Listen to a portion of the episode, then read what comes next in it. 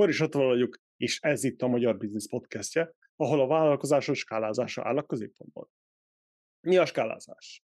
Mikor kell skálázni, és mikor ne skáláz? Miért és mikor kell skálázni? Mit kell tudni a skálázási folyamat előtt? Mire van szükséged a céget skálázásához? Mire számíts a skálázási folyamat közben? Hogyan kezdjük el a skálázást? Ezekre a kérdésekre adjuk meg a választ a következő tanfolyamunkban. Már régóta beszélünk és hangsúlyozzuk, hogy mennyire fontos a vállalkozásod skálázása, köznevén a vállalatok méretnövekedése. Eljött az idő, hogy a részletekben menő tanfolyamot indítsunk azoknak, akik komolyan gondolják a vállalkozásuk skálázását, cégük hosszú távú fejlődését. Ennek a programnak az a fő célja, hogy a profit cégépítőket felfelgyerezzük egy részletes térképpel, hogy bátorsággal, tudással és minél nagyobb önbizalommal tudjanak nekivágni ennek a kalandnak. A skálázás térképe programunk egy hibrid képzés, ami videó, szöveg és rendszeres találkozások alkotják. Így minden lehetőséged meg lesz arra, hogy a lehető legjobb minőségű forrás álljon a rendelkezésedre. A további részletekért iratkozz fel a sallagmentes havi hírlevelünkre, és kövess minket a YouTube-on, ezzel is segítve a vállalkozásod fejlődését. Ennyi szolgálati közlemény után most pedig vágjunk bele. Figyelem, pikán szavak elhangozhatnak, a gyerek van a közeledben, tekerd le a hangerét.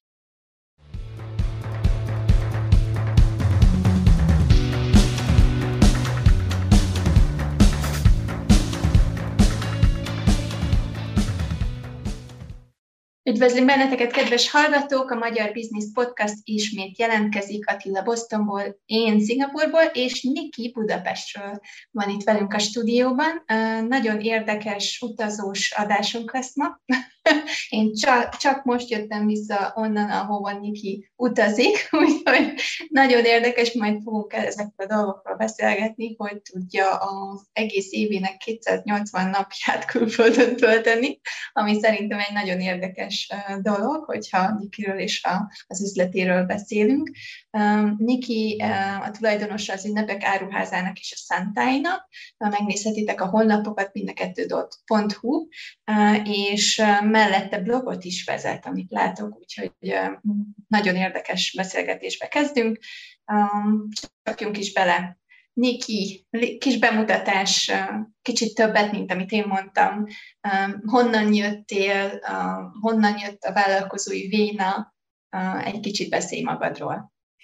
Jó, pont most a napokban fogalmaztam át, úgy szoktam kezdeni eh, a bemutatkozást, hogy 25 éve játszom, játszom ezt a csodálatos játékot, amit vállalkozásnak hívnak. De most utána számoltam, és kiderült, hogy képzeld, hogy 30, úgyhogy én 93-ban alapítottam az első betéti társaságomat, majd csináltam még egy BT-t, majd 2000-ben jól összeolvadt a kettő, és azóta Kft. formában működünk. Ugye ünnepek áruháza, én, lufikkal kezdtem, nagykereskedelem, kiskereskedelem volt, webáruház jött hozzá 2007-ben, és a, a legújabb szerelem, ahogy említetted is, a Santai, ez a Baliról, a home decor, lakásdekoráció és lakberendezés, ez tavaly karácsonytól kezdődött.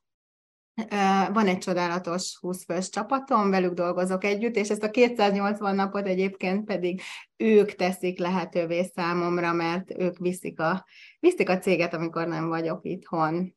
Hogy a szabadságomat nekik köszönhetem. Volt esetleg vállalkozó a családban, vagy hogy kezdtél vállalkozni? De, nagyon érdekes, képzeld el, hogy Nekem anyukám rokkant nyugdíjas volt, apukámnak nagyon korán meghalt az apukája, és ő nem mehetett egyetemre. Egyébként kiváló tanuló volt, matek, fizika, de szegények voltak, és a nagymamám mondta, hogy hát ezt nem is dolgoznia kell. Viszont anyai ágon, így, így ha belegondolok, ott, ott volt egy kis szatócsbolt, nagymama és nagypapa, egészen addig, amíg az államosításnál nem jöttek az oroszok, és el nem vettek tőlük mindent is. Úgyhogy lehet, hogy onnan, onnan a kereskedelmi véna. Egyébként a család egyik ága Brassó, másik ága Kassa, harmadik ága a Vajdaság, úgyhogy nagyon, nagyon vegyes a vér. És, és még egy német kefegyáros vonal is van, van benne. Ki volt Brassóból? Brassóból édesapám apukája. Oh, okay. És anyukája. Nak nagyon érdekes háttér. Valószínű, hogy ez sokat segíthetett abban, hogy ennyi mindenbe belevágtál. Esetleg van olyan dolog, amit tőlük tanultál, vagy amit mai napig csinálsz úgy, ahogy ők mondták, ők tanították, vagy ahogy láttad? Hát ugye vállalkozásra nagyon tanítani nem, nem tudtak, mert az nagyon új volt. Ugye nem tudom, ti szerintem nem emlékeztek arra, a 89-ben ugye a vasfüggöny lebomlott, és gyakorlatilag utána indult meg az, hogy már nem csak ilyen maszek, meg gebines vonalon lehetett vállalkozgatni, hanem akkor már lehetett céget alapítani, így a 90-es évek elején. De hát ugye ők nem ebbe nőttek fel, úgyhogy amit, amit apukámtól, az, az viszont a könyvek szeretete. Tehát nem voltunk gazdagok, de nagyon nagy, nagyon sok könyve volt, és az olvasás nagyon megszerettette velem, és ez szerintem nekem egy nagyon nagy szerencse, mert az egész 30 éves vállalkozói létemet úgy éltem, hogy rengeteget tanultam, szeretem a könyveket, mindig fejlesztettem magam, mindig olvastam, és mindig, ami hiányzott így a vállalkozásból bizonyos terület, akkor na, ki a, ki a legjobb könyv azon a vonalon, és akkor, akkor utána néztem, megtanultam, beillesztettem a gyakorlatba, úgyhogy nekem, nekem a, a könyvek olyan volt, mint ezekkel a üzleti szerzőkkel egy beszélgetést folytatnék esténként, hogy ők hogy csinálják. Köszönjük ezt a kedves szót, hogy, hogy nem emlékszünk a vasfüggönyre, ez ilyen... Hm. Te emlékszel? Nem, nem oké. nem árulunk el részleteket, de ez nagyon, szerintem egy nagyon fontos dolgot mondtál, hogy olvasod a könyveket, de utána be is illeszted azokat a dolgokat, amiket tanultál. Mert nagyon kevesen csinálják meg ezt a lépést, hogy megtanulják, elolvassák, stb., de utána, hogy akkor hogy alkalmazod ezt a saját vállalkozásodban, vagy hogy lehet Igen, ezt, ezt én is figyeltem, hogy ilyen, tudod, tréningen és konferencián, vagy akkor általában elmondják az előadók, hogy az itt ülő száz emberből kettő lesz az, aki a gyakorlatba is beilleszti, a többinek a jegyzete az általában fiókba végzés, nem csinál vele semmit. Én, én valamiért mindig kimazsoláztam így a tudásból azt, amire nekem szükségem volt, és azonnal beépítettem. Tehát lehet, hogy ez a ez a siker egyik titka, hogy használni a gyakorlatban a megszerzett tudást. És mivel kezdtél a 90-es években? Mi volt az első vállalkozás? Hát én nekem a, a Lufit képzeld el, hogy megelőzte kettő darab termék. Az első termék az hát nem tudom, gyerekszobátokban esetleg volt uh, világító ilyen kis foszforeszkáló csillagocskák a mennyezeten. Az, volt, az volt az első termékem, a második termék pedig egy, egy húsvéti tojásfólia. Ez egy ilyen kis henger alakú fólia volt, amit rá kellett húzni a, a megfőtt tojásra, három másodperc forró víz, kiemeled, rásugorodik, és kész volt a Flintstone család, Disney figura, a hófehérke hét törpe, mindenféle virágmotívumok, a, a, a hímes tojás, és ez, ez akkor nagyon ment a 90-es évek elején, és gyakorlatilag én, én ebből, ezekből a húsvéti tojásfólia eladásokból alapoztam meg a, a lufiknak a, a disztribúcióját.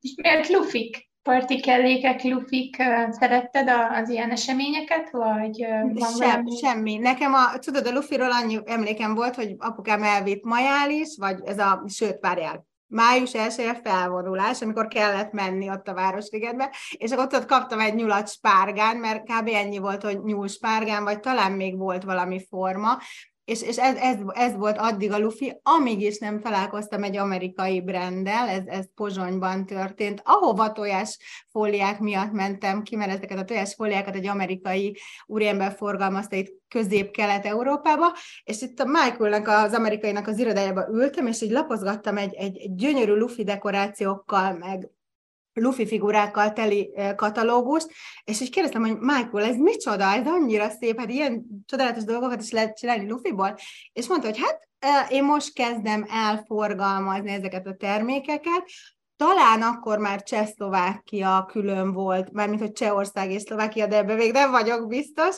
És akkor így Michael mondta, hogy hát én elkezdem itt ebbe a két országba, Csehország és Szlovákia, de ha neked van kedved Magyarországon, akkor fölhívom, fölhívta az angolokat, tudod, azon a vajszínű, tárcsázós, zsinóros, ekkora telefonon, hogy hát van itt valaki Magyarországról, aki érdeklődik a ti brandetek, terméketek iránt, és nagyon érdekes, mert addig senkinek nem kellett, az amerikai cég próbálkozott Magyarországon, hogy eladja ezeket a lufikat, csak mindenki azt mondta rá, hogy drága, és hogy ez nekünk nem kell, mert drága, és tudod, és én így belegondoltam, hogy ez egy annyira relatív dolog, hogy drága. Tehát van a piacon Volvo is, meg akkor még volt Trabant is, tehát hogy most mindenek megvan a vevőköre, úgyhogy én, én úgy voltam hozzá, hogy megláttam benne azt a, a, azt a csodálatos lehetőséget, amit rejt magába, az oktatási programjuk nagyon erős volt, a marketing támogatásuk nagyon erős volt, és én úgy döntöttem, hogy nekem nem drága. és így indult. Ez egy nagyon jó kis történet, hallgatók, figyeljetek, sok mindent tanulhattok meg. Nekem nagyon tetszett az oktatói vonal is, hogy azt is megemlítetted, hogy nem csak a termékek voltak neked vonzóak, hanem az is, hogy mellette a felhasználókat is segítették azzal, hogy na akkor most hogy használod fel a lufit, mire lehet használni, hogy lehet vele dekorálni, gondolom. Így Ezek van, egy nagyon és, és nem is csak szakmai képzések, még üzleti képzéseket is nyújtottak, ami aranyat ér szerintem. Ha, ha még abban is segítenek, hogy hogyan kell eladni. Szabad ezt megkérdezni, a... hogy, szabad ezt megkérdezni, hogy milyen, hány éves voltál, amikor kezdted ezt az egész... Hát én a 20-as éveim elején. Uh-huh. Az jó, az volt, volt, Amúgy volt három munkahelyem, várjál, tehát ne, ne, nem azonnal vállalkozó lettem, én külkersulit végeztem, egy felsőfokú külkereskedelmi áruforgalmi szaktanfolyamot, nem mentem egyetemre, mert az apukám mondta, hogy hát lesz egy farmered, azért abban segítenek, hogy majd egy farmerem lesz így az egyetemi évek alatt, és mondom, hogy én nem akarok egy farmerben járni, én nem akarom ezt az időszakot, nem bírom ki, én pénzt akarok keresni. Úgyhogy elvégeztem egy külkersulit, és, és elhelyezkedtem szivattyú importőr cégnél. Viszont mindent megtanultam az importról, és utána a lufikat már tök könnyen tudtam importálni saját magam. Hirtelen azt hittem, hogy azt mondta, hogy szivar izét rakunk. Uram, wow, oké, okay. Műszak, műszaki vonalon voltam, csak nem bírtam a, a 9-től 5-ig Az, tehát engem a, engem a szabadság motivált egyébként, hogy vállalkozó legyek. És akkor következő, megvannak a lufik, tehát megvolt a termék, és akkor innentől kezdve, hogy kezdtél bele a vállalkozásba, hogy építetted ki? Hát eh, képzeld el, ugye a 90-es évek elején nem volt mobiltelefon, nem volt internet, nem volt semmi.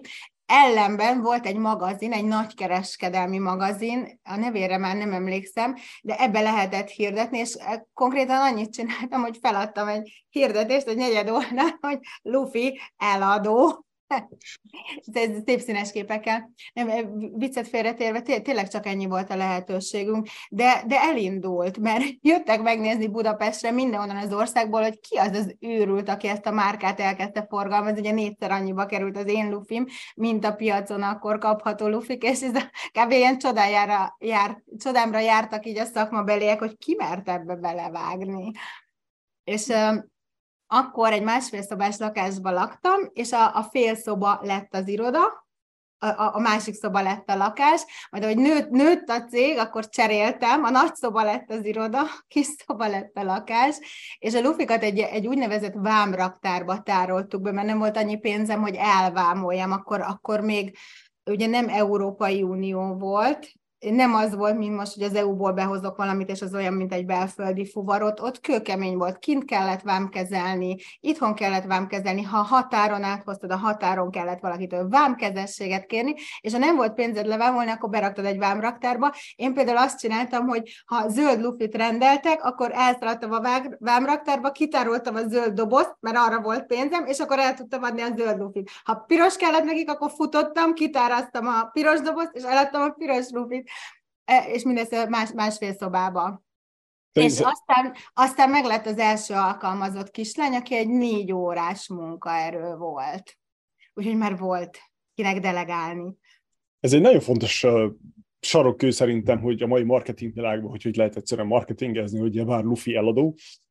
És uh, kérdés az, hogy hogy sikerült négy, négyszer olyan drága Luffy-t eladni egy olyan piacon, ahol azt mondják, hogy hát ez nem kell, mert túl drága elkezdtem én is a képzéseket, és, és a képzések által meg tudtam mutatni nekik azt, hogy mit lehet belőle készíteni, és meg tudtam velük értetni azt, hogy ez nem csak egy lufi, amit oda leraksz a polcra fújatlanul, és akkor valaki leveszi a polcról fújatlanul, hanem nézd csak, ez egy olyan lufi, amiből Valentin napra készíthetsz gyönyörű csokrokat, vagy mondjuk anyák napjára ajándékot, vagy mondjuk esküvőre dekorációt, egy céges bulira léggömbesőt, vagy akár léggömbfelengedést, tehát hogy elkezdtem tanítani, és tudjátok, mit csináltam? Mindig kimentem Amerikába, megtanultam, hogy hogy kell csinálni, hazajöttem, összehívtam így a vevőkörömet egy pici kis hotelnak a konferenciatermébe, és amit kint tanultam Amerikában, azt letanítottam nekik, és így hoztam haza a tudást gyakorlatilag évről évre, Úgyhogy aztán nyilván változott a dolog, már nem én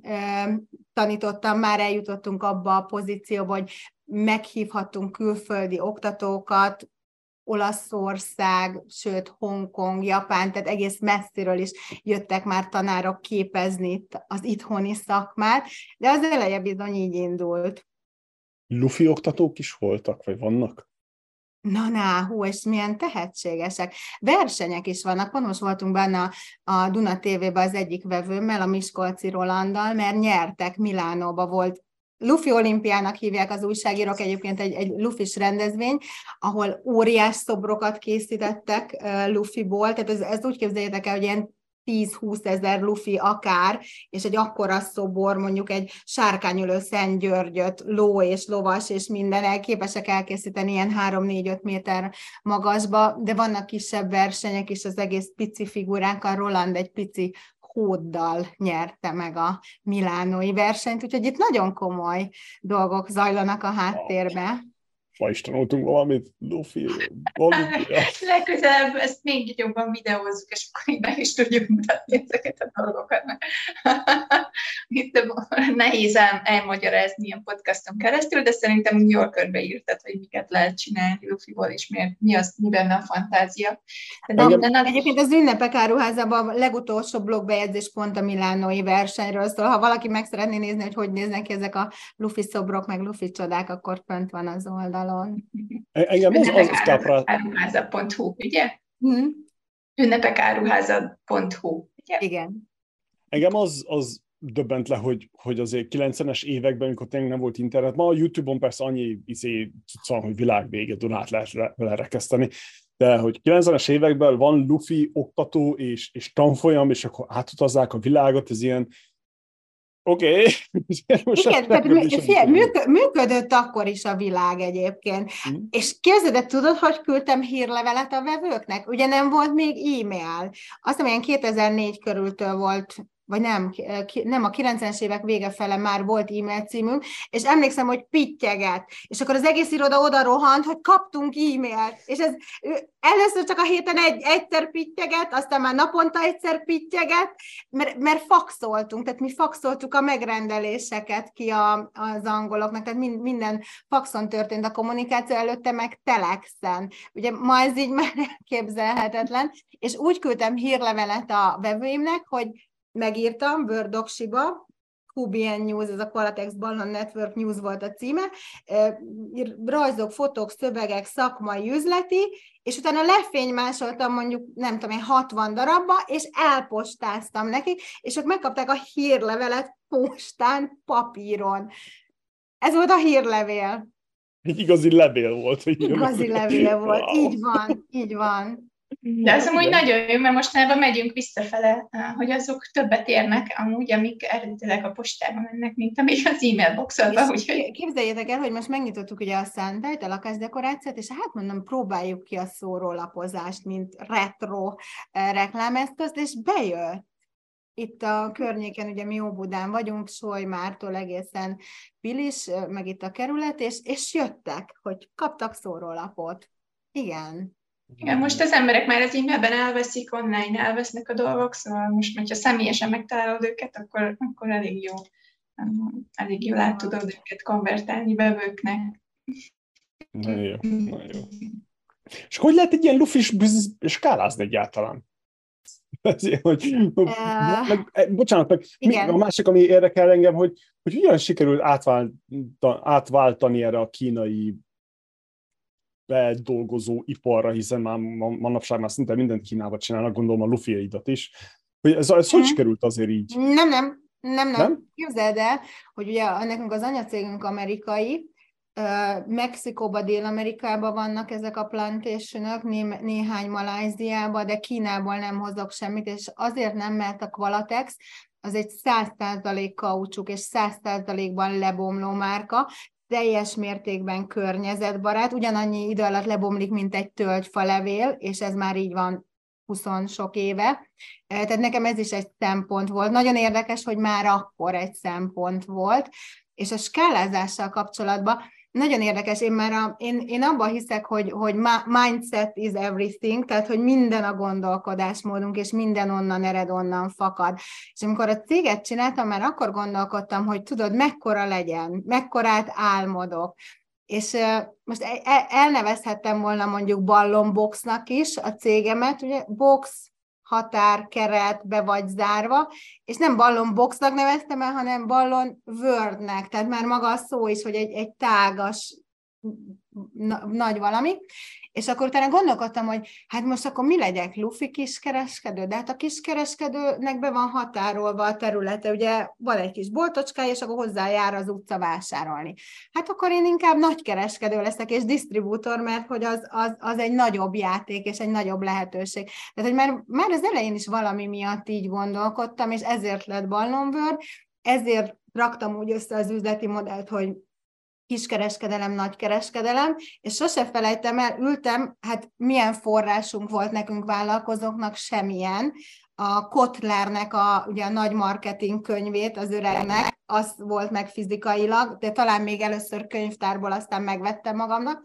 A Kotler könyvet lapozgattam, hogy árképzés. Na, nézzük, hogy kell árat képezni. Ha nagykereskedő vagyok, én ezt egyébként ezt a lefölözéses taktikát választottam akkor, akkor néztem, hogy hogy kell marketinget csinálni, hogy kell értékesítést csinálni, és akkor a Kotler könyvből túrtam ki mindent, hogy na akkor hogyan is építsem fel a céget, az üzleti modellt, és mindig nyitottak voltunk az újra mindig kerestük a, a, az új megoldásokat. Ugye 2007-ben e, építettük az ünnepek áruházát, a webáruházunkat. És emlékszem, sose felejtem, hogy kerestem volna valami jó kis magyar példát webshopra, de hát mindenki akkor kezdte körülbelül abban az évben, és így nem volt jó kis magyar példa, és akkor találtam rá Tony Siére, aki a Zaposznak, az amerikai cipő webáruháznak a tulajdonosa és alapítója, és egyébként ezért adtuk ki később, évekkel később a, a Boldogság, mint cégkultúra könyvet, mert engem nagyon-nagyon inspirált Toninak a, a sztoria, ahogy ő felépítette az Zaposz webáruházat, ugye őt, őt 20 évre rá a mm, Amazon vette meg, Bezoszék, és közel két milliárd dollárért, nagyon szép exitet csináltak, úgyhogy nekem az Zaposz volt a példám a, a webshop építésre és nyilván nyitottunk egy saját kiskereskedelmi egységet is, mert érezni akartam a vevőt, a fogyasztót, az ügyfelet. De csak ezt az egy boltot nyitottam, mert közben megvigyázni akartam a viszonteladói hálózatomra. Úgyhogy én amiben nagyon következetes voltam, az a, az, az árképzésem. Soha nem mentem le árba. Bármikor megtettem volna, de de soha nem csináltam meg a viszonteladóimra, nagyon vigyáztam. Ja, a kisboltodnál. A kisboltomnál, uh-huh. így van, igen, meg a webshopomnál is. Uh-huh. Uh-huh. Ja, igen, igen, ugyebár össze kell dolgozni a többiekkel. Win-win situationeket kell Így van, win-win, win-win. Ebben win-winben nagyon hiszek meg az együttműködés erejében. Igen. Igen. Igen, ez az, amit nekem úgy tűnik, hogy a mai világban nagyon el van. És hogyha ezt összefoglalnánk, mert ugye ezt csak nem Megcsúsztam. Lelassult. még egyszer. Na, még egyszer. szóval igen, a, a win-winre, hogy, hogy a mai világban úgy tűnik, hogy, hogy mindent a pillanatnyi sikerért szinte feláldozunk, még a jövőnket is. És ez, ez egy alapszabályom is áldoz fel a, a jelent a jövőért, mert nagyon könnyen el lehet csúszni. Szóval egyszer kell valakit áttolni, átbaszni a palánkon, nem tudom micsoda lehet ez bármilyen szépen vagy finoman fogalmazni, de utána a bizalmat még egyszer visszakapni az olyan nehéz, és sose tudod, hogy mikor jön az vissza. Igen, és tényleg az, hogy a rövid távú előnyökért a hosszú távot feláldozni. De én, én mindig azt mondom, hogy számla nem marad kifizetetlenül. Tehát nem mi, mindenki, ahogy közlekedik a világban, és ahogy működik, pont azt fogja megkapni, amit ő kifele ad. Előbb vagy utóbb what goes around comes around. Yes. Így van. True. Én is nagyon hiszek ebbe, az biztos, hogy mikor fiatal az ember, akkor viszont nem, akkor nem törődik a jövővel, minden csak a pillanat, meg most, most, gyorsan, izé, de más. Oké, okay. Luffy business. Ugorjunk vissza az összefoglalóra, mert szerintem nagyon jó kis tanácskoszorút tudunk így összerakni, hogy akkor tanulva a kezdő két első vállalkozásodból is a Luffy Business elejéből, mik azok a dolgok, amiket így kiemelnél, hogy figyeljenek rá a kezdő vállalkozók, amikor elkezdenek valamit. Hát, hogyha egy össze tudnád rakni ezeket mm. így egy csokorba, egy, egy felsorolásba, akkor azt szerintem segítene a hallgató. Ugye nekem a, a két kezdő vállalkozás, mondtam a két BT-t, és csak hogy mennyire hosszú távon gondolkodtam, mert akkor is vagy úgy mond mennyire felelősség teljesen. Nálam a két BT az összeolvadt, és mind, tehát jogutódlás volt és úgy ment tovább a KFT, tehát nem, nem zártam be, nem dobtam el, nem csődölt be, hanem egyszerűen egy társasági formaváltozás volt, mert akkor már éreztük azt, hogy tudunk egy nagyobb játékot játszani. Én talán az alapértékeinknek a legelső pontját hoznánk be, mert hogy van tíz alapértékünk hasonlóan a, a zapor, és e, e, ez a törődés. Ránk nagyon-nagyon jellemző volt, volt a törődés. Egy fura szó így az üzletbe, de hogy a vevőkkel törődni, én, mint tulajdonos, a munkatársakkal törödök. A munkatársak egymással törődnek, és a vevővel törődnek. Én hiszem azt, hogy egy tulajdonos akkor lehet csak boldog, és szabad is, hogyha, hogyha a munkatársak boldogok, és a vevői is boldogok. Nekem van egy ilyen képletem, hogy boldog vevő plusz boldog munkatárs egyenlő boldog tulajdonos, és gyakorlatilag az én feladatom már csak az, hogy a, hogy a munkatársaimért mindent megtegyek, akik mindent megtesznek majd a, a vevőinkért. Nekünk egyébként, ha már így az első alapértékünket elmondtam, a törődést, a, a, a tizedik alapértékünk kicsit furcsa az üzleti világban, de a szeretet. És hogy mer, merjünk szeretni. Nyilván ehhez, ehhez nagyon sok minden kell, és rengeteget képződtünk mi is, hogy, hogy hogy a légkör cégen belül is szeretetteljes legyen, kommunikáció, nagyon fontos. Rengeteg kommunikációs tréningre jártunk, megtanultunk konfliktust kezelni. Tehát mindenki eljutott már itt, itt házon belül egy olyan szintre, hogy, hogy tiszteljük egymást, nagyon szépen beszélünk egymással, bízunk egymásban, tehát a bizalom is most már egy olyan erős szinten van, és gyakorlatilag ez, ez, ez tesz lehetővé egy olyan erős együttműködést, aminek az eredménye az, hogy én, én sokat lehetek balin. De, de ez, ez egy út, amikor meg szokták kérdezni, hogy ha egy szobba kellene összefoglalnom, az a, az a szó nálam mindig a kitartás. Most nem ez a 30 év, ez mutatja azt a kitartást, hogy kitartottam a, a core business mellett, tehát a, ugye a lufik, még mindig a lufik, és mindig volt rajta mit fejleszteni. A vállalkozók nagyon szeretnek így ugrálni, csapongani, új vállalkozásba kezdeni, megunni, nem kitartani, de szerintem, ha van egy, ha van egy jó alapötlet, akkor, akkor érdemes kitartónak lenni. Fel tudod sorolni a tíz alapelvet? Kapásban is oh, kapásból sok, sok alapel van a fejemben, de megpróbálom a sajátunkat, mert most pont ugye kiadtunk egy másik könyvet, a Szabadság, mint cégkultúrát, Tracy Fentonnak, ott, ott tíz demokratikus irányel van, ami, ö, ö, ami szerintem szintén ha valaki amellett, azon mentén működtet egy céget, akkor csodákra képes a cég. De a, milyen az a, az a törődés, az első, amit mondtam, ugye a kommunikáció. Nálunk ott van a családbarát, lehet, hogy ezt írom, mert egy, egy pár szót így mondanék is róla, a kommunikációt már említettem, mennyire fontos. A családbarát munkahely. Nálunk például nagyon sok nem pénzbeni juttatás van a munkatársak számára. Tehát például én holnap a beszerzési vezetőmmel és a feleségével fogok kimenni Balira, mert kaptak egy ilyen jutalomutat, és nem ő az első. Már a cégtől négyen voltak az elmúlt évben. Balin és a sort azt folytatjuk, ősszel is jön ki, ki négy kolléga, de például családi nyaralások, ugye mondtam, hogy elég demokratikusan működik a mi cégünk is, és például ők megszavazhatják választják azt, hogy ki menjen nyaralni, melyik munkatárs. Hévizen, Dobogó Majoron szoktunk egy ilyen egy ilyen nagyon jó kis, kis hotel, medencés minden helyen a munkatársaknak, vagy, vagy mindegy, napestig tudnám sorolni, sok videón fönt van egyébként, van egy, van egy blogom, ahol mesélek így a demokratikus cégműködésről, pénzügyekről, szélszről, mindenről. Tehát nagyon családbarátok vagyunk, nagyon rugalmasak vagyunk, ugye a rugalmasság a, a negyedik alapelv. Mi hisszük és valljuk azt, hogy ha valami nem hajlik, az törik. Tehát nagyon igyekszünk az egész szervezeti működésünket is rugalmasra tenni, és én is nagyon rugalmas vagyok egyébként velük. E, viszont ott van egy, egy olyan szó, amit mindig alkalmazunk, és ez a deal. Tehát ha én valamit megengedek, akkor cserébe mindig kérek valamit. Sőt, már ha ők kérnek tőlem valamit, hogy engedjem meg, akkor már úgy jönnek, hogy ezt adom cserébe. És ez most legyen bármi, el kell menni, máshogy szeretne dolgozni korábban, későbben, és nagyon-nagyon alkalmazkodunk, szerintem azért is szeretnek itt lenni a munkatársak, mert nagyon-nagyon alkalmazkodunk az ő, ő családi mindennapjaikhoz, és nagyon segítjük az ő, ő családjaikat.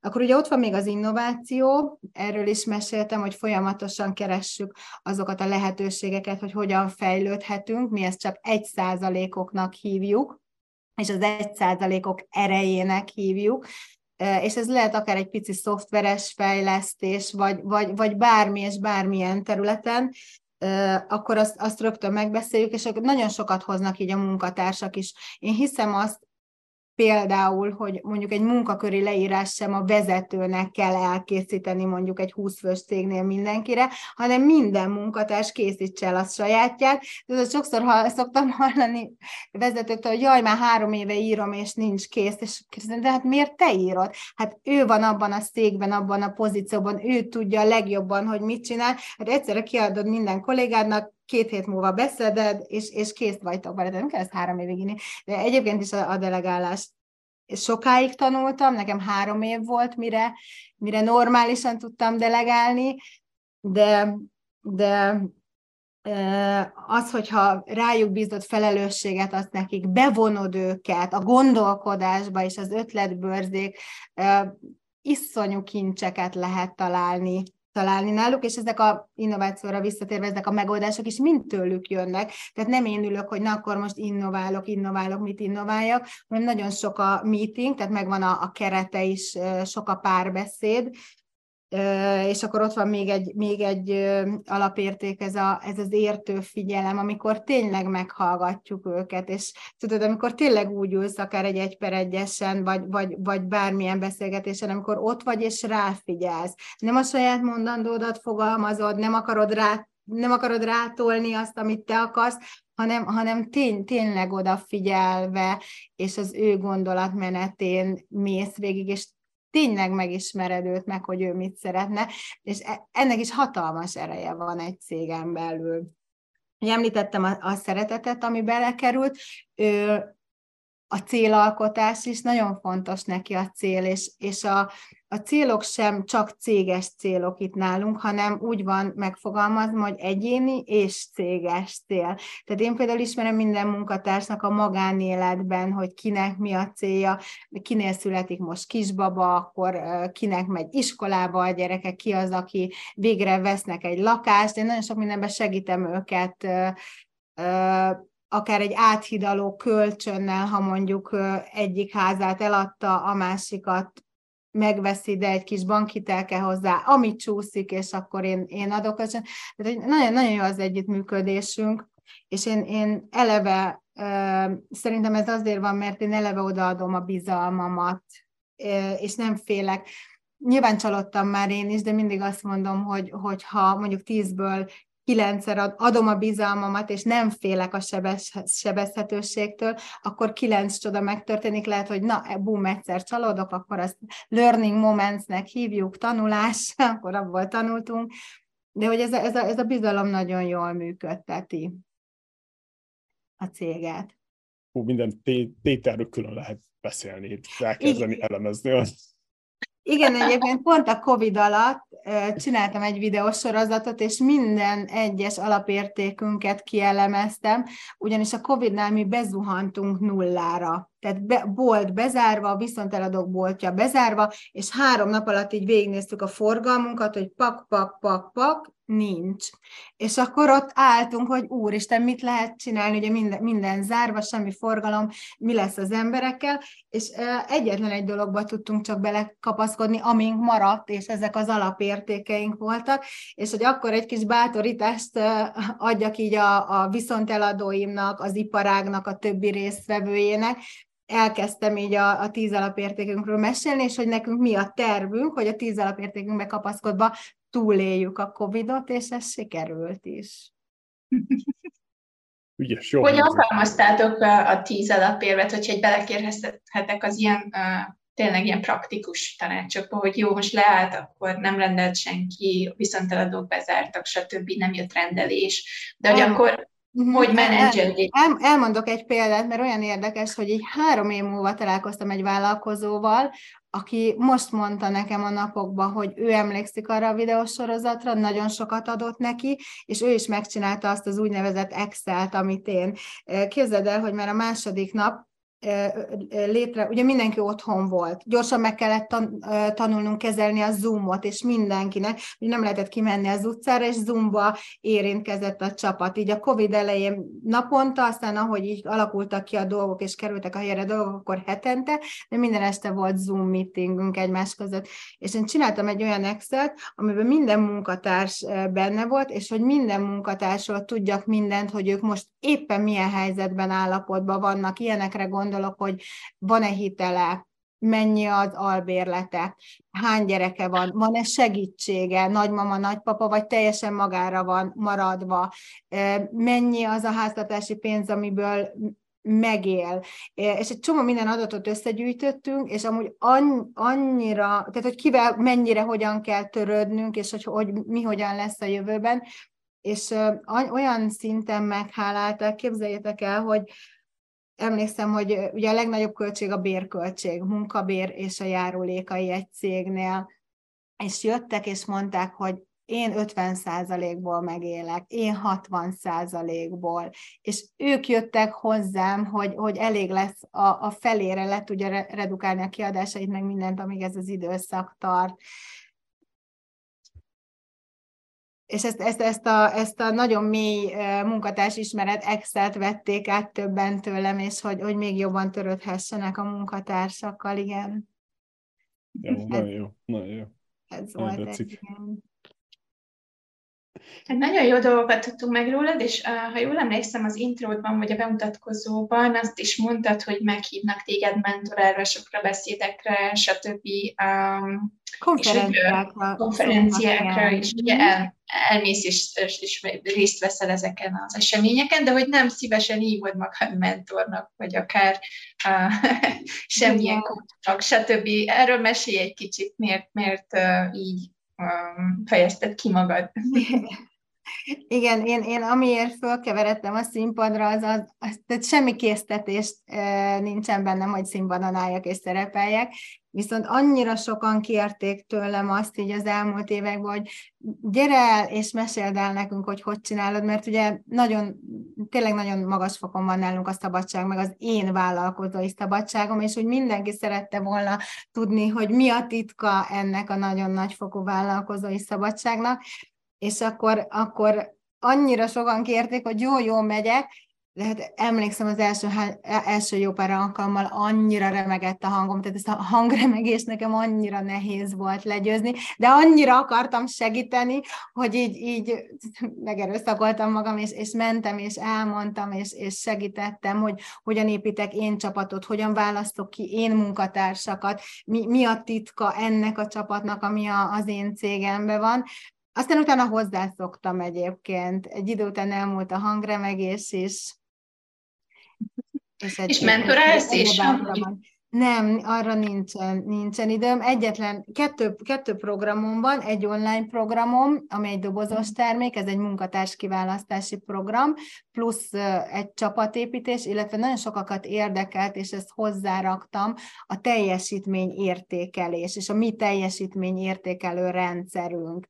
Még az, amely ez egy olyan 6-7 órás online program, illetve van egy úgynevezett cégtúra, ez, ez Tonisi az Aposzt mintájára vezettük be, amikor egy napra el lehet jönni hozzánk, és mindent meg lehet nézni. Vállalkozók szoktak, most már 150-en megfordultak, itt vagyok fönt a galériámon, az irodámba, de több mint 150-en megfordultak ilyen tízes kis csoportokba a cégnél, és minden területet megnézhetnek, tehát végigmegyünk a gyártáson, a boltokon, a pénzügyön, a marketingen, a csomaglogisztikán, raktár, ügyfélszolgálat. Én, én magam vagyok a HR, mert ez az, ez az egyetlen terület, amit nem engedtem ki magamtól, és miután megnézzünk mindent, teljesen transzparensen zajlik, tehát a résztvevők bármiből belenézhetnek, akár a pénzügyi tervezésünket megnézhetik, akár a trellónkat, amiben a feladatokat kezeljük, és akkor délután fakultálhatnak arra a területre, ami nekik a legjobban tetszik, és ott, ott az én valamelyik vezetőmmel elmerülhetnek, akár a pénzügybe, akár a beszerzésbe, készletgazdálkodásba, és azt így nagyon szeretik a,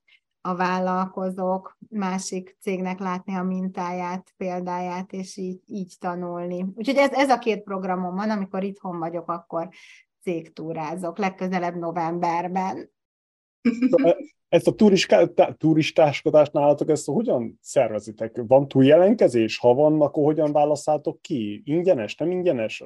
Hogyan működik ez a háttérben? Nem ingyenes, ez mind a két termék egyébként 90 ezer forint, 149 ezer helyet most idén lejjebb hogy minél többeknek elérhető legyen. Nem tudom, mindig megtelik, és mindig, mindig annyira jó cégek vannak itt, hogy én mindig úgy örülök. Ez, ez nem tudom, az Isten alakítja, hogy pont, pont tele vagyunk, pont jó cégek, okay. és csak szájreklám, tehát nem is hirdetjük. Hát igen, ez így szokott lenni. A, kezdjük akkor a két csomagoddal, mert mind a kettő nagyon érdekes. Az egyik az, hogy hogyan válaszunk munkatársat. Az volt az mhm. első, ha jól emlékszem. Erről mesél. Hogyan válaszunk mi jó munkatársat?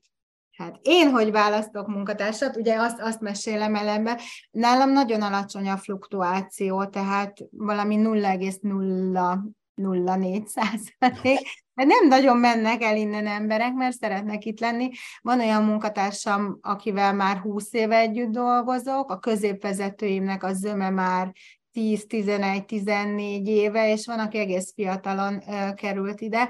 Nekem egy több lépcsős rendszerem van, én, én vallom azt, hogy uh, hire slowly, fire fast, tehát ez a lassan felvenni és gyorsan kirúgni. Azért lassan felvenni, mert egy, egy munkatársi kapcsolat az majdnem olyan, mint a házasság. Ugye annyira sok időt töltünk együtt, tehát nagyon nem mindegy, hogy a, a két fél mit tud adni egymás számára, vita és verza is. Én tehát hosszú a folyamatom, nagyon megismerem a jelölteket, és elég sok tesztet is csinálok velük, például a, a csapatszerepteszt a, a a kedvencem. Van egy olyan teszt, ahol megnézem, hogy mennyire jó csapatjátékos, vagy illetve mi a csapat szereperősségei, inkább úgy mondanám, mert lehet valaki jó kivitelező, lehet valaki jó szervező, lehet valaki ellenőr, befejező szerepben erős, például mellém ilyenek kellenek, mert ez nekem a gyengeségem, nekem az erősségem a forráskutató, meg a, az ötletgazda, tehát én mindig tele vagyok új ötletekkel, viszont befejezni annyira nem szeretem, meg a részletek is untatnak, úgyhogy nekem nagyon, vagy ha mondjuk egy diszktesztről beszélünk, én nagyon sárga-piros vagyok, és nagyon kellenek mellém a kék-zöldek, akik szabálykövetőek, akik megcsinálják, befejezik, kiszámolják, imádják az Excelek minden részletét, mert hogy én nem. Na és ez a csapatszerepteszt, amit mindenkivel megcsináltatom, hogy lássam, mi az erőssége, és ott, ott van egy olyan szabályom, hogy csak olyat veszek föl, akinek a csapatjáték szerep az első háromba szerepel. Mert különben nem tud közénk beilleszkedni. Nálunk annyira erős a csapatjáték, és szerintem ez, a, ez, ez adja a, a, a teljes cég erősségét, ez a, ez a nagyon erős csapatjáték. Úgyhogy eh, hossz, hosszú folyamat. Említetted itt a diszketnek, meg a, meg a más valami szavakat használtak el, ami nagyon professzionálisnak tűnik, másfajta személyiség teszteket, vagy valami hasonlókon alapszik ez az egész, vagy Hát, egyébként semmi extra, tehát például, hogyha fölmész, én nagyon szeretem a, a Szalai Ádámot, ő többször tartott nálunk évindított csapatépítő képzést, ő, ővé a sikerkód, és egyszerűen a sikerkód oldalán van fönt két sőt, több teszt, és az egyik például a rugalmassági teszt. És az a rugalmassági tesztet is megcsinálom, mert képzeld el, az egész onnan jött képbe, hogy, hogy annak idején a boltban volt két lány, és nem egyeztek. Állandóan vita volt, veszekedés, konfliktus, és tudod, nem értettük, hogy miért. Na, miután az egész csapat megcsinálta ezt a rugalmassági tesztet, kiderült, hogy a két lány a skála két végén helyezkedik el. Ugye az egyik annyira laza, mint a rigalán, a másik meg annyira merev, ez a tömör gumi kategória, és miután minden munkatársat elhelyeztük a skálán, hogy ki hova tartozik, és ki az, aki lényegesen rugalmasabb, és nyilván annak így nem érdekli, hogy mi hogy van lerakva, mi mennyire van rendben, mint mondjuk a tömörgumit, akinek mind, mindennek így kell állnia, és ugye ők, ők, ők közöttük volt az ellentét, és miután ezt, ezt megcsináltuk, megbeszéltük, átbeszéltük, mindenki megismerte, hogy a másik milyen személyiséggel bír, egyszerűen ezek, ezek az ellentétek, konfliktusok így, így elcsitultak, mert megértettük azt, hogy ne, mennyire nem vagyunk egyformák, és hogy mennyire színesek vagyunk, ezt, ezt így mondjuk, és, és elfogadjuk azt, hogy neked ez az erősséged, neki az az erőssége, és ettől vagyunk mi egy erős csapat, mert mindenkinek ugye az erősségeire építünk, én egyébként a gyengeségeket nem erőltetem, hogy azokat fejlesztem, én inkább erősséget fejlesztek, és, és a lényeg az, hogy ismerjük egymás erősségeit. És így, így egy nagyon jó együttműködés alakítható ki. Nagyon tetszik. Tényleg azon, hogy az erősségedet kell építeni, viszont a gyengeségedet kell menedzselni. Valamilyen módon uh-huh. kell menedzselni, és ez nagyon fontos, már két élő dolog. De jó, ez nagyon tetszik ez a, ez a személyiségen alapuló uh, hiring process. Itt is egyre jobban divatos, és látszik, hogy akik arra mennek rá, hogy, hogy azt a bizonyos feladatot bizonyos személyiségű embereknek adják oda, ott hatalmasan nő a cég, és sokkal stabilabb, és Igen. fantasztikus. Ez a, ez a right person, right chair, hogy a, a megfelelő székbe legyen, és, és ha csináljuk egy ezeket a teszteket, én a Profile XT-t is nagyon szeretem, az egy fizetős teszt, nagyon jó, kognitív képességeket mér, viselkedés alapú dolgokat mér, és ott képzeljétek, mi jött ki egyszer, ugye kognitív képesség, szövegértés, szókincs, számolás, tehát ilyen jellegű dolgokat mér, és kiderült az, hogy a, az, a egyik raktáros srácnak olyan kiválóak a kognitívból is a szövegértés szókincs, hogy utána átment egy részmunkaidőbe a marketingbe, és a legkiválóbb szövegírónk lett, meg terméket is fejlesztett cégen belül, amihez jó, ugye az jó íráskészséget használni tudtuk. Azóta hozzá került a, a social media, a posztok, meg minden, és hogyha ezt nem mérjük fel, akkor ez, ez a rejtett kincs a raktárból nem kerül elő. Igen, bizony. És az a jó az egészben, legalábbis nekem azt tetszik, hogy tényleg ez ilyen win-win. Azért, mert felveszel valakit, csinálsz valamilyen alapon személyiségtesztet csinálsz, meg címkézed végül is, és most tényleg a, a kifejezés legjobb értelmébe, és akkor az segít neki is megérteni, hogy ő miért viselkedik úgy, meg miért gondolkodik úgy, ahogy a főnöknek is segít, és akkor főleg, ha ez meg van engedve, hogy ezek az emberek migráljanak a cégen belül tényleg pozícióról pozícióra, Igen. akkor az ilyen hatalmas boom lehet a cégnek. De persze ezt is okosan kell csinálni, itt is vannak hátrányok, jó tesztet kell csinálni, stb. stb. Az se jó, hogyha mindenki mit tudom, hetente változtatja a pozícióját, szóval vannak ilyen extrémek, de ez, ez hatalmas, ez nagyon-nagyon jó csapatépítő, meg, meg főleg rendszer támogató. És a hatékonyságot is nagyon növeli. Igen. Igen, ugyebár az a, az a haba tortán, az hatékonyság. Hogyha minden jól van, akkor megvan alapozva, sok minden legalábbis, akkor tényleg a hatékonyság az magától jön, az ilyen side effect az egésznek. Oké, okay, következő csomagot, ez, hogy, hogy érték, hogy, hogy hogyan, nem is érték, hanem uh, na, nem jön a szó, ez a, a performance. Ez, ez hogyan, ez, ez hogyan számított, teljesítmény, ez hogyan számított ki, ez, ez, ez mi ennek a rej, rejtén állatok, vagy mi a lelke? Hú, erre van egy, van egy képletünk.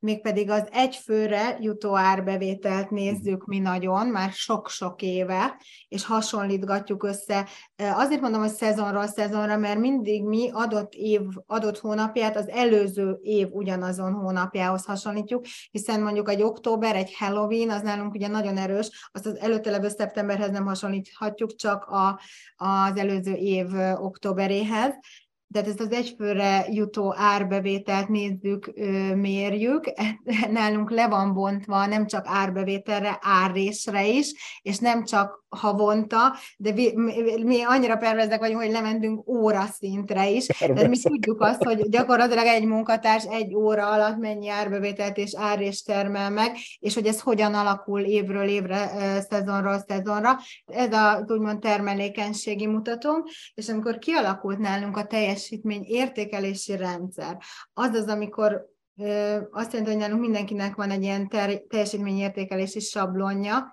amin nem csak a munkaköréhez feladataihoz tartozó értékelés van, hanem, hanem egy ilyen általános munkatársi, egy viselkedési rész is van, illetve ha a vezető az adott munkatárs, akkor a vezetői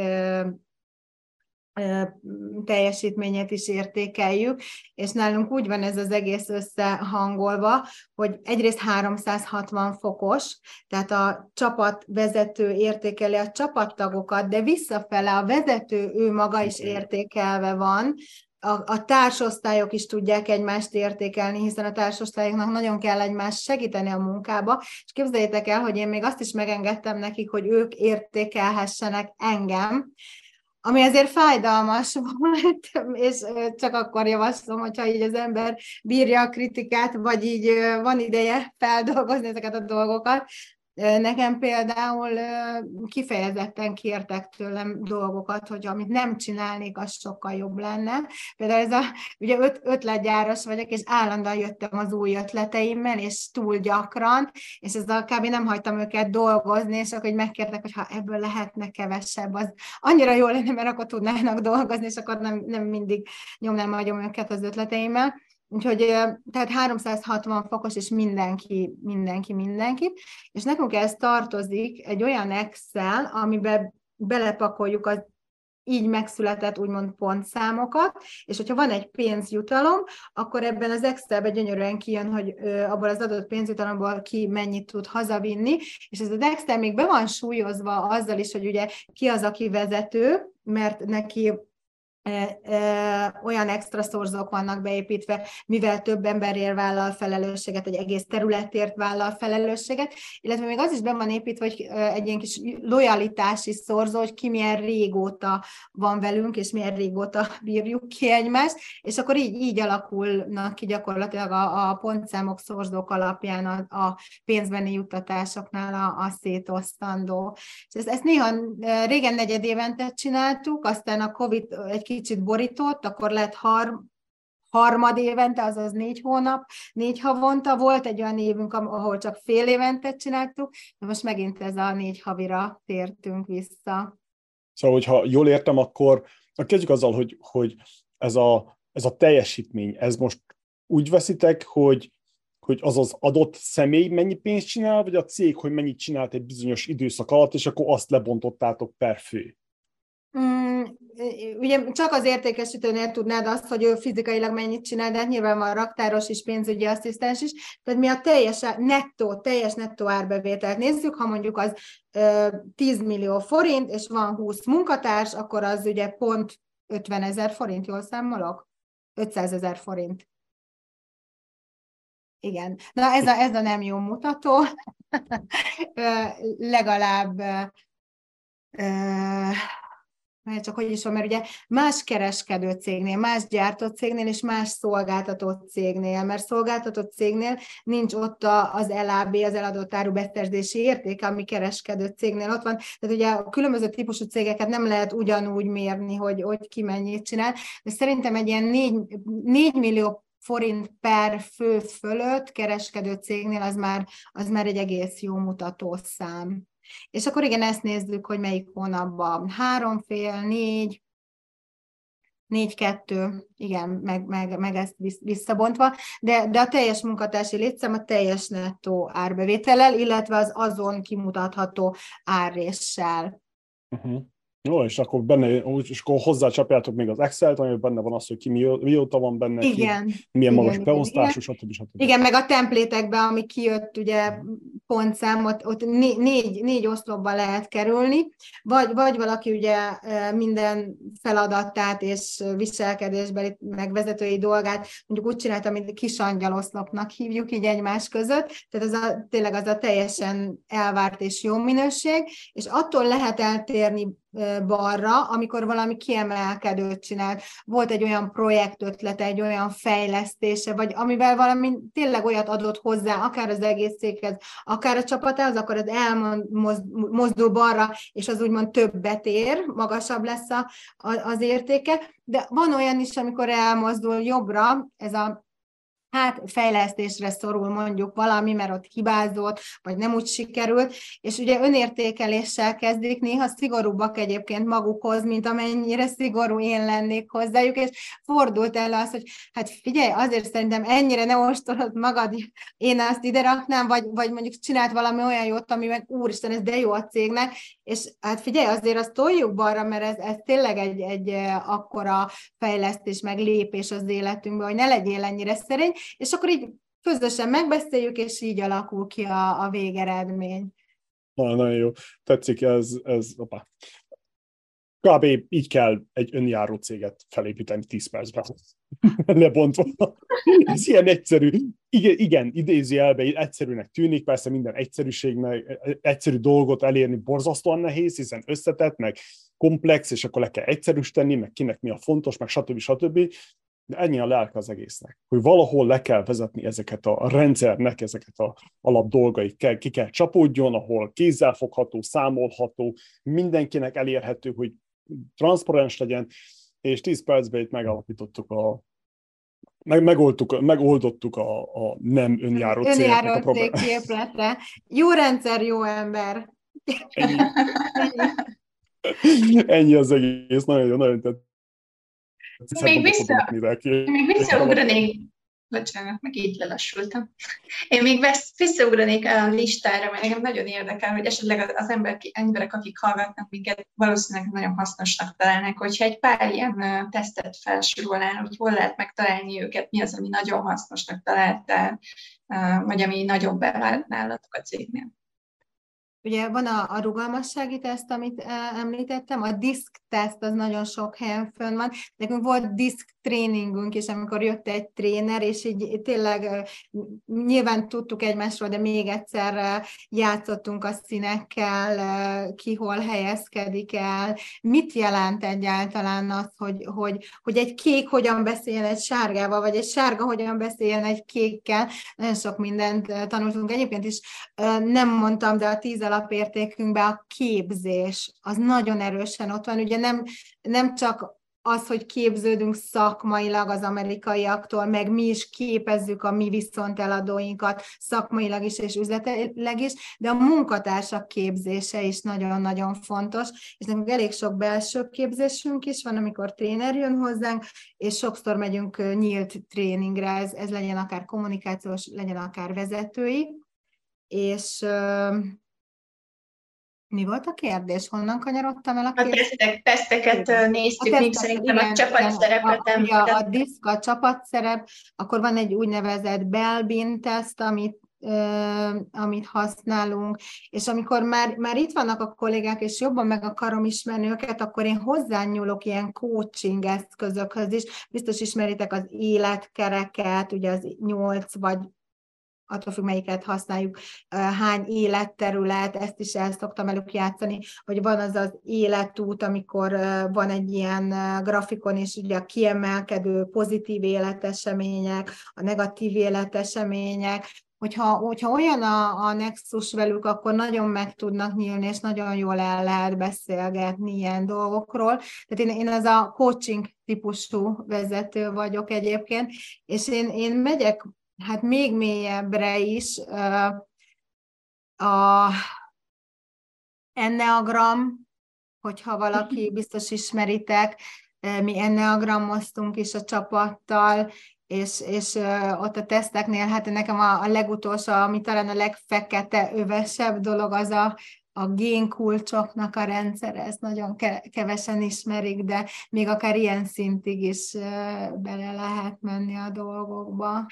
E, egyszer játszottunk, az is egy kommunikációs trénernél jött elő, a Dan Millmannak például az erre születtél, tehát mi képesek vagyunk így elmenni így a számok, számmisztika világába is, akár adott esetben. De ez már tényleg csak egy olyan csapatnál, ahol, ahol nagyon nagy fokú a bizalom. Hm, érdekes, nagyon érdekes. De azt hiszem, te vagy, amikor próbálom az emlékeimben felkutatni, de azt hiszem, te vagy az első HR-os, aki rendszer gondolkodó. Általában ez a kettő, ez, ez kettő különböző, de ez nagyon tetszik, hogy tényleg úgy próbálsz az emberekhez közelíteni, és mégis a háttérben egy rendszert építesz. Ez nagyon Igen, valószínűleg azért, mert hogy, hogy tulajdonos is vagyok, és ugye világéletemben mindig nagyon holisztikusan gondolkodtam, meg mindig big picture-be gondolkodtam, de nem is tudok valahogy másként működni, és lehet, hogy ez a kettős kombó, ami, ami miatt ugye a, a rendszer és az összes többi területnek az integrációja nagyon erősen bennem van. Mm.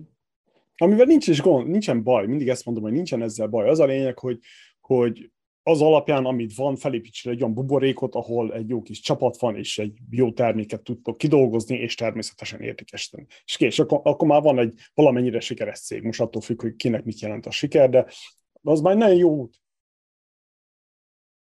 Igen, ez a kinek mit jelent a siker, és hogy miben mérjük a, a sikert, és hogy mennyire a mennyiségi mutatókra tesszük rá a hangsúlyt, vagy mennyire a minőségire esetlegesen, igen, ez, ez, meg, ez szerintem meg mindig a tulajdonostól függ, hogy van egy barátom, mindig azt szokta mondani, hogy csak olyan céget tudsz csinálni, amilyen te magad vagy, de te mondjuk egy, vagy akár vezetőként is egy ötös szintű vezető nem tud létrehozni egy nyolcas szintű céget, ezt is szokták mondani ilyenkor kell félreállni. Ha ez a cél, akkor igen, ilyenkor kell félreállni. Így, így van, és, és sokszor van, hogy félreállnak és átadják, hogy a, mert, mert sokszor a növe, hát igen, a növekedés gátja tud lenni a, a tulajdonos. Így van. Vagy a szűk keresztmetszet. Az az. Csak hát ilyenkor nagyon keményen magadba kell nézni, nem mint izé, ugyebár az igód magasan van, hiszen van egy csapatom, egy céget alapítottam, van egy pár nulla bevétel, naponta, havonta, évente, stb.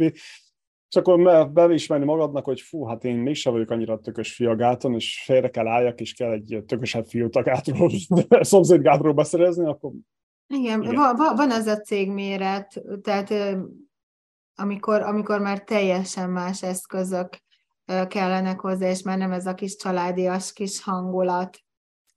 Igen, amikor már... Ez, már ez nem tudatos volt ez a, ez a választás, hogy nem növeled? Mert ugye mondtad, hogy csak 20 emberrel dolgoztok, hogy ez egy tudatos választás volt azért, mert mi, amik az értékek, és hogy fent tud tartani, vagy pedig ez így kényelmes lehet, nem sok, nem is uh, tudatos változtatni? Igen, nálam, nálam eleve a, a, ugye a cég alapítása a, a szabadság iránti vágyból jött, és tudom, hogy én vagyok a Balog Petyának a prezijébe az a slide, amikor bemutat vállalkozó típusokat, és én ott, ott vagyok egy ilyen ekkora nagy trópusi levél előtt, és ott, ott van az, hogy na, a Niki az a típusú vállalkozó, aki nem akarja skálázni, nem akar külföldre menni, aki boldogan él abból, ami van. Uh, igen, én, én szerintem ez ilyen le, lelki beállítottság, hogy, hogy nem akarok nem akarom magamat széthajtani azért, és ez az elég. Tehát, hogy nekem ez elég. Igen, igen. Ez a siker. Mi a siker számodra? Igen. És ez, ez, ez, nekem, nekem a siker a boldogság, hogy jól érezzem magamat. Igen, Ennyi. és hogy a környezetemben levő emberek is jól érezzék magukat. Uh-huh. Ez az, hogyha te olyan vagy, mint Warren Buffett, hogy a, hogy a padláson ott szeret rohadni a kis irodájába, már nem tudom hány évtizedet lehúzott ott, és állandóan csak püngészi a számokat, meg olvasni, és ő attól boldog, hiszen itt van, nem tudom, 90-es éveit veri, vagy valami hasonló, több mint 80, nem tudom, de nagyon öreg már, akkor az akkor neked az. Igen. Szóval ezért nehéz, hogy, hogy főleg a mai fiatal vállalkozóknál, hogy nem szabad összehasonlítani az almát a cseresznyével, meg a cseresznyét a banánnal, mert különbözőek vagyunk. Mások az, el, az értékeink, más a stresszbírásunk, ez a másik. Igen. hogy azért, mert 20 éves korodban te milliárdos akarsz lenni, egy, tényleg egy unicorn céget akarsz alapítani, az oké, okay, eltelik 10-20 év, már nem akarsz annyit dolgozni, már nem akarod be, meg nem, az már nem mindenkinek való. És ez a trükk az egészben, hogy változik az ember is, az értékei, az energiaszintje, stresszbíró képessége, úgyhogy ez ilyen. Igen, meg hogy, hogy merjük felvállalni magunkat, és hogy, hogy tudjuk azt, hogy kik vagyunk, és kik nem vagyunk, és annyira jó, amikor, amikor teljesen önazonosan ö, tudunk valamit csinálni, és nem ö,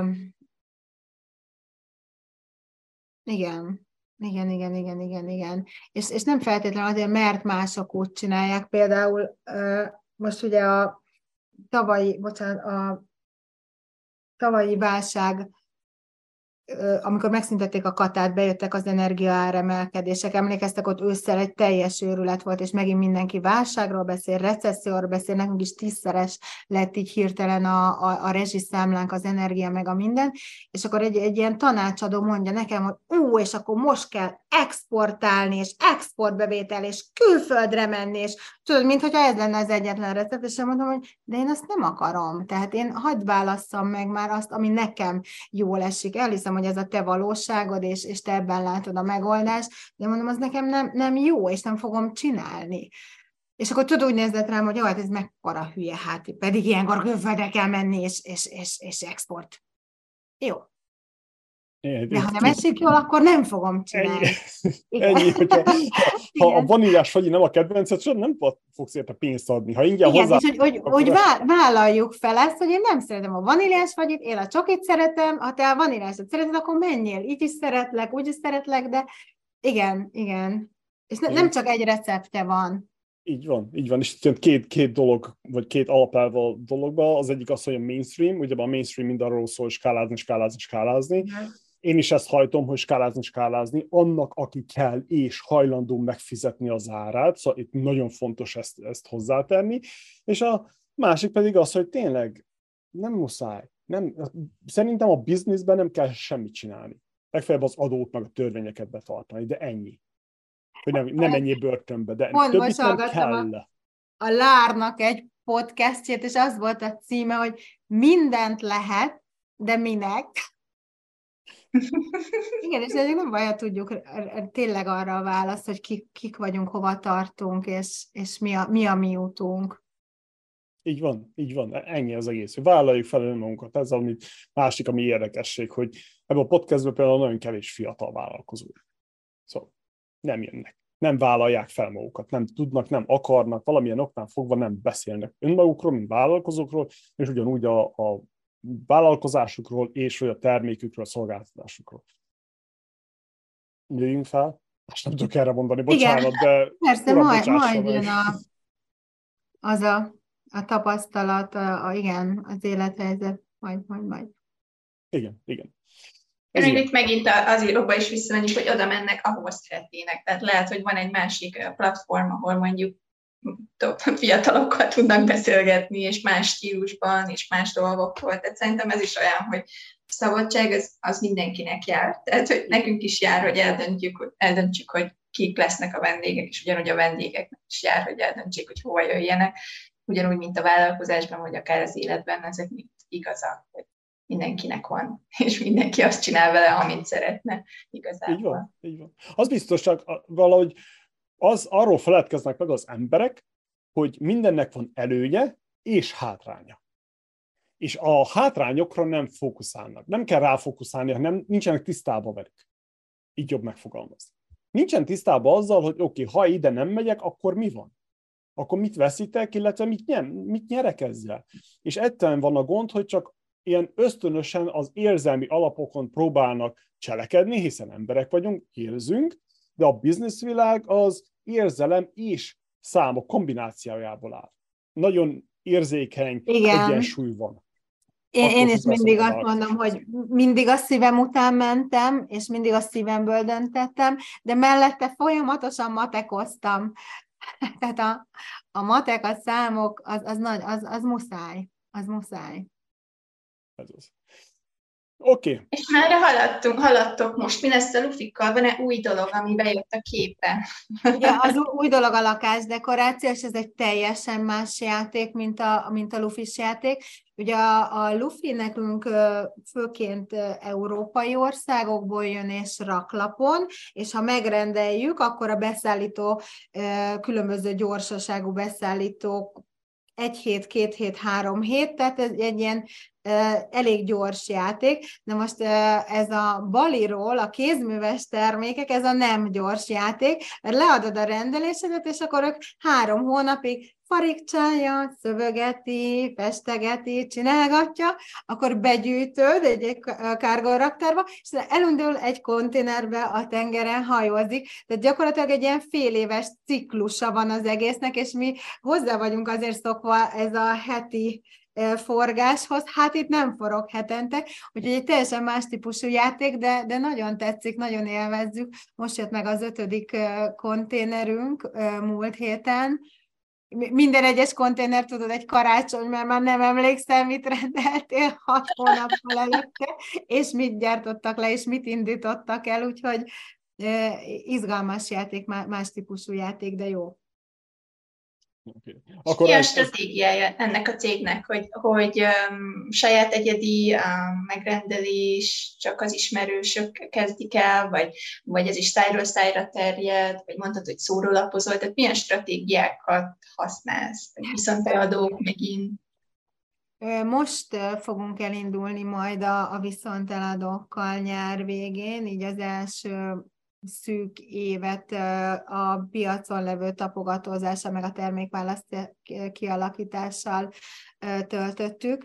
Ugye ez, ez nekem megint egy ilyen szerelem volt, mint ahogy a Luffy szembe jött, ez is szembe jött. Balinén a keleti parton élek, lakok, és Covid alatt sétáltam ugye akkor mindenbe volt zárva, az egész sziget turizmusból él, ott mindenki sofőr, idegenvezető, vagy szállodás, vagy valami, és nagyon, nagyon üres volt a sziget, nagyon el voltak keseredve az emberek, nagyon el voltak már szegényedve, már ott közel egy éve nem jött turista, 2021-ben csak 7-7 darab turista ment be a szigetre, és e, e, körülbelül úgy volt az utca, hogy mondjuk kilenc üzlet zárva, egy nyitva, aki még valahogy tartotta magát, és besétáltam egy ilyen lakberendezési üzletbe, ami teljesen úgy néz ki, mint a miénk itt, itt a harmadik kerületbe, és, és körülnéztem, és azt láttam, hogy ez, ez annyira szép, és egy ilyet annyira el tudnék képzelni Budapesten, és megkérdeztem az eladókat, hogy kivel lehetne beszélni, mert láttam, hogy ki van írva, hogy hol szél, nagyker. És akkor mondták, hogy hát egy holland házaspár a tulajdonos a, a Balinész hölgy mellett, és akkor így, így, így indult a beszélgetés Roberta Marionnal, és, és jutottunk el odáig, hogy tavaly össze Marion e, itt volt, és segített nekünk berendezni a saját boltunkat. Úgyhogy nagyon nagy stratégia nincs mögöttem, mert a, a, az egész üzletnyitást egyébként a segíteni akarás motiválta, tehát nem bírtam nézni, hogy, hogy annyira el van szegényedve a sziget, és annyira ki vannak az emberek, és annyira jó volt. 80 családnak adtunk munkát azzal, hogy, hogy leadtuk az első megrendelésünket, úgyhogy hogy 8-12 hónapja már nem dolgoztak senkinek, és nem volt bevételük. Úgyhogy mi voltunk a, de akkor nagyon, nagyon örültek. Nagyon lassan tért vissza a szigetre az élet. Én most is emlegették, most, pont most beszéltük, hogy én ugye most jöttem vissza Baliról, és én is, hogy beszélgettem, hogy most is mondják, hogy igen, most olyan boldogok, mert mindig kérdezem, hogy a változás, ami Balin történik, vagy mennyi volt nyitott, hogy minden rizsföldön már boltot nyitottak, meg átalakítják, meg néhány városban már nem lehet ráismerni, és hogy ők mikor erről a változásról. És mindig azt mondják, hogy ú, nekünk ez nagyon jó, mert hogy, mert hogy amúgy csak turizmusból élnek, és egyébként nem lehet. Menjünk tovább, mert még van egy pár kérdés. Szerintem a jövőről nem nagyon beszéltünk olyan tekintetben, hogy mindig meg szoktuk kérdezni a, a vendégeinket a technológiáról, hogyan, hogyan um, um, a, adaptálódtok, magyar szót keresek én is, mert nem mhm. sokat beszélünk itt magyarul, tehát hogyan alkalmazkodtok a, a, az új technológiákhoz, akár az AI-hoz, akár, mint mondtad, a Zoomhoz, hogy használtátok, tehát milyen új dolgokat használtok, ami segíti a vállalkozásokat. Igen, ez Zoom nekünk a Covid alatt került bele az életünkbe, és, és nagyon gyakran használjuk, ugye egyre többet vagyok Balin, és sok meeting a kollégákkal Zoomon keresztül megy. Nekünk már a Covid előtt jóval bekerült az életünkbe a Trello, ez a feladatkezelő rendszer. Ugye azt vettük észre, hogy annyira szórtan vannak az információk, meg a kommunikáció, ugye itt egy Excel, ott egy Excel, ez e-mailbe, az papíron, ez posztiten, az egy dossziéba, és akkor mondtuk, hogy ez valami egységes dolog jobb lenne, és egy, egy barátom még Trello-t használtak, megmutatta, és hú, hát mondom, akkor ez, ez megmutattam a csapatnak, nem, ez, ez jó lehet nekünk is, és annyira cukik voltak, én így, így októberben mutattam meg nekik, amikor Halloween volt, előttünk volt a Mikulás, a karácsony, és így mondtam nekik, hogy hát hogy a januártól tök jó lenne bevezetni, meg elkezdeni használni, mert így nem is gondoltam, hogy egy új sztorit így, így berakjunk az életünkbe a legnagyobb szezon közepén, és közöd el, hogy megcsinálták, december 1-től ráálltak, átálltunk, és, és gyakorlatilag egy hónappal előbb el is kezdtük használni, használni, és azóta is nagyon szeretjük. Ugye folyamatos fejlesztés, nekünk össze van kötve a webshop az ERP-vel, a, a vállalatirányítási rendszerrel, tehát mindenben mi még külső könyvelőnk van, de könyvelésben is napra készek vagyunk, és ott állandóan valamit csiholunk, fejlesztünk, és nagyon sokszor a, a webáruház oldalról hajtunk meg dolgokat. Ami, ami egy érdekes együttműködés az egyik angol partnerünkkel a, az úgynevezett dropshipping, vagy e-fulfillment, amikor ez a háromszög ügylet van, hogy a, a, ugye a magyar vásárló rendelhet egy magyar webshopból, ahova föl van töltve az angol cégnek mind a 20 ezer jelmez, de jelmez kiegészítője, hiszen nekem itt a nagykerbe csak egy egy-két ezer darab, amit tartok készleten, és ezáltal hozzájuthat az angol teljes készlethez, teljes választékhoz, és gyakorlatilag az történik, hogy az angol direktbe küldi a magyar címre, és mi pedig elszámolunk egymás között a forgalom után, tehát egy, egy-két ilyen újszerű elkereskedelmi dologban is benne vagyunk. A MI szövegírás, tehát a marketingesek már elkezdték használni, és, és idő is szabadult föl, és ezt az időt akkor eltöltjük máshol, vagy a kiskerboltba, vagy a raktárba, segítve másik osztályoknak. Nagyon jó kis történet, nagyon sok mindent megosztottál, még beszélgettünk ezekről a dolgokról, hogy mik a, mik a tervek a jövőre nézve, kicsit már megosztottad velünk, de esetleg hosszú távon, hogy hogy látod a, a jövőt, így mind a két cégre, vagy a, a két irányra vonatkozólag.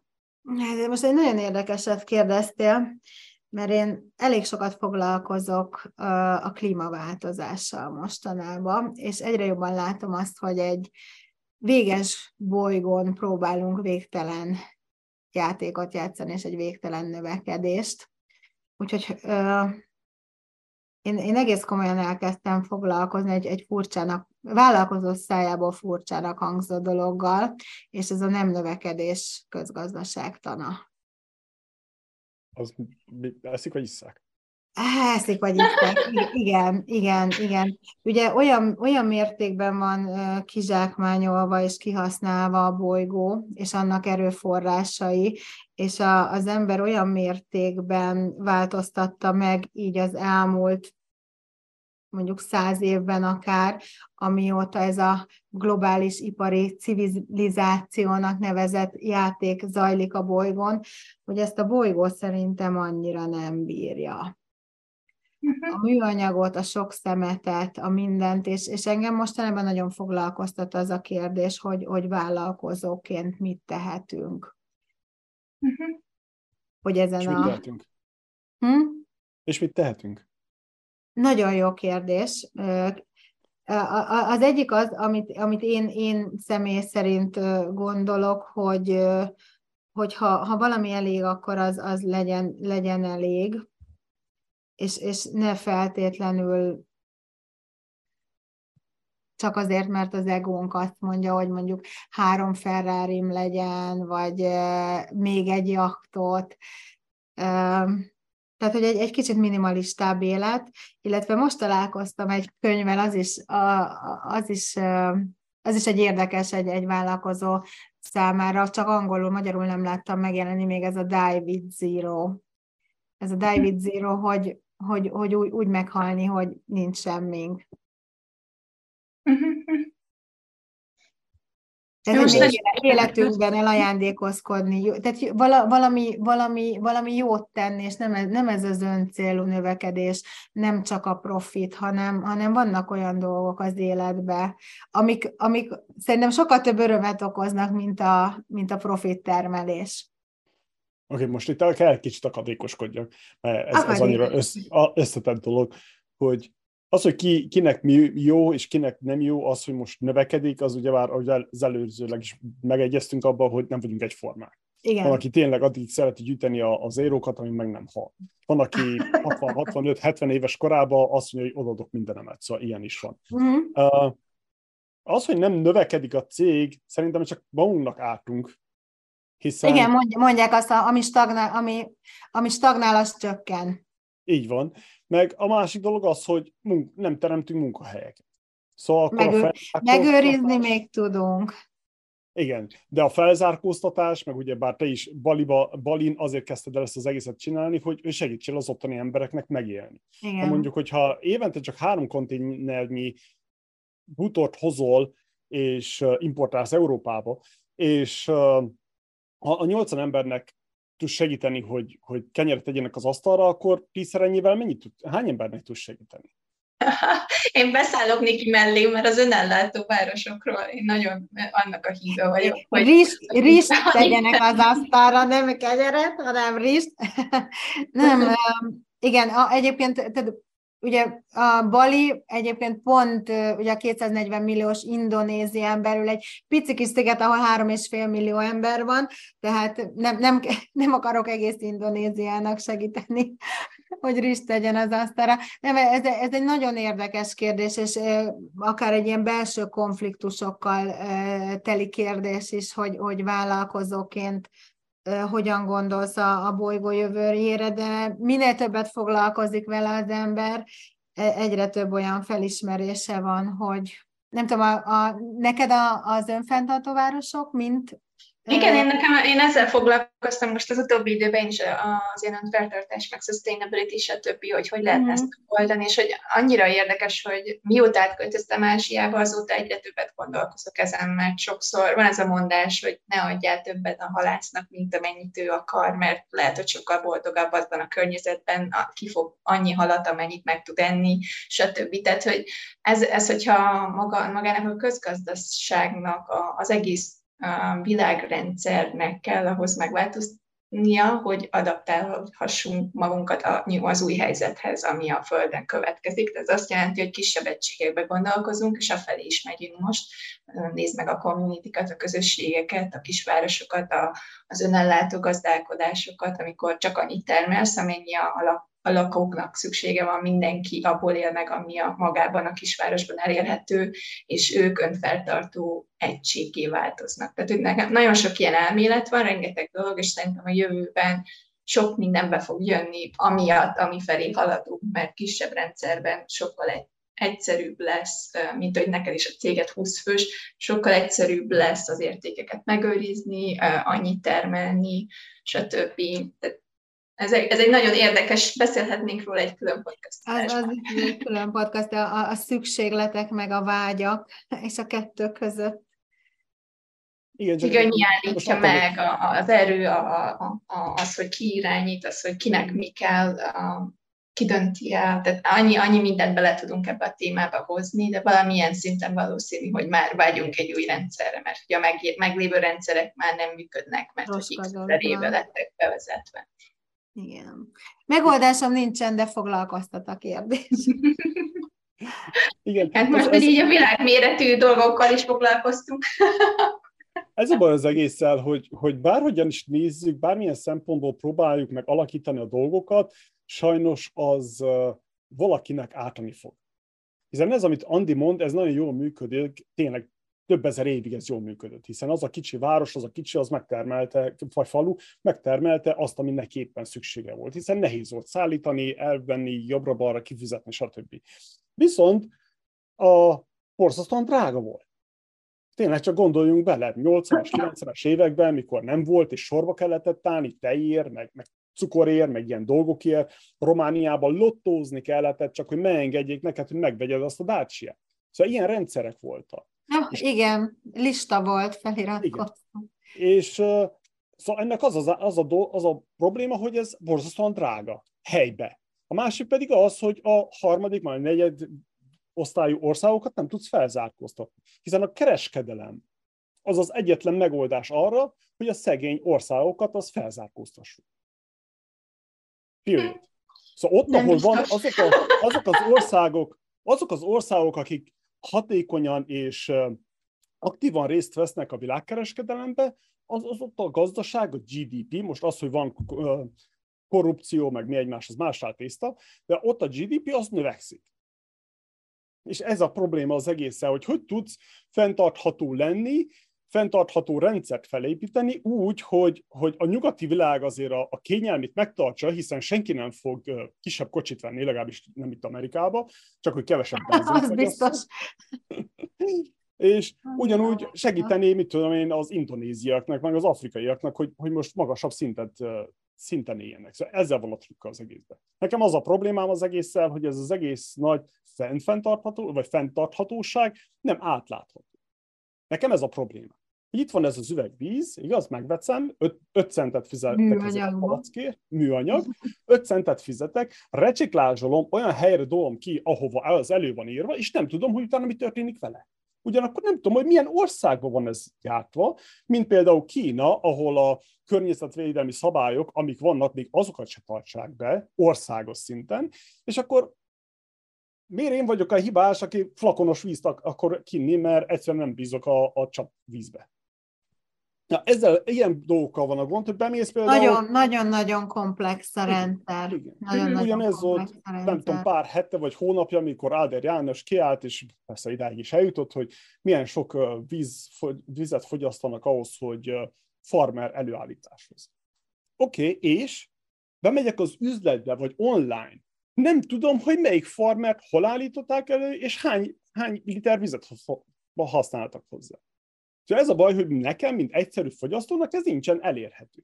Igen, ha ezt a flakont itt állítják elő Amerikába, és itt Amerikába újra hasznosítsák, és nem szállítják Kínába, ahol a szemétdombra kerül, be az óceánba, akkor, akkor igen, akkor azt fogom választani. De nem, Hát, és mennyi mindent nem tudunk még. Így van. Így és van. még szóval mindent behozhatunk a képbe is, mert ugye amíg nem mutatott be az embereknek a színes tévét, addig nem szeretnék. Tehát ez azt jelenti, hogy a maga a keresítés, a, a vágyak nem lesznek magas szintűek, tehát az, amilyen van is, amit meg tud termelni, elég lesz. De hogyha bevisz és megmutatod, akkor mit csinálunk? Újabb vágyakat keltünk. Újabb vágyakat keltünk, igen. Tehát, hogy rengeteg olyan dolog van, amit ma már nem tudunk visszapörgetni, és szerintem ez egy nagyon jó dolog, hogyha így visszagondolnánk abba, hogy kell-e, kell-e tényleg segíteni, és függővé tenni ezeket az országokat, vagy pedig uh, jó nekik a saját ütemükben fejlődni. Mert én ezt nagyon sokat láttam Ázsiában, hogy rengeteg nyugati uh, Amerika, ból jövő ötletet benyomtak, és utána ők ehhez gyorsan felgyorsultak, de még nem értik eléggé, mert nincs meg 60 éves, 70 éves Malázia is nagyon, nagyon új ország volt, akkor érzem korábban, és még nem volt ezer évük, vagy kétezer évük, hogy megértsék ezeket a dolgokat, tehát egyik helyről átugrottak, és, és valószínű, hogy sokkal több kárt lesznek, mert nem volt az az idő, hogy megérjen az egész, és nem a környezettel összhangba csinálják, hanem azonnal kivágják, azonnal. Nem, nem értik meg a környezetgazdálkodást, nem értik még a védelmet, nem értik, miért nem kell berakni a szemetet. A, De szegény, tudod, bali nézek is mindent banánlevélbe csomagoltak, amíg meg nem érkezett a fehér levél a nejlon. Igen, tehát ugye ez, ez, ez, ez a nejlon a szigetre. És ugye el, eldobja, mert azt hiszi, hogy ugyanúgy eldobhatja, mint a banánlevelet, csak éppen a nejlon zacskó nem bomlik le. Igen. Ja, ja. Ez, ezek nagy kérdések, de valószínűleg ez mind összefügg mindennel, és nem lehet más szétválasztani, mert annyira a globális a világ, de hogy lehet, hogy csak le kéne lassítani, és így átgondolni, hogy, hogy, hogy akkor most mi az, ami kell, mi az, ami tényleg nem kell, és most ráerőltessük, vagy ne. Hát vagy csak elég az, ami van.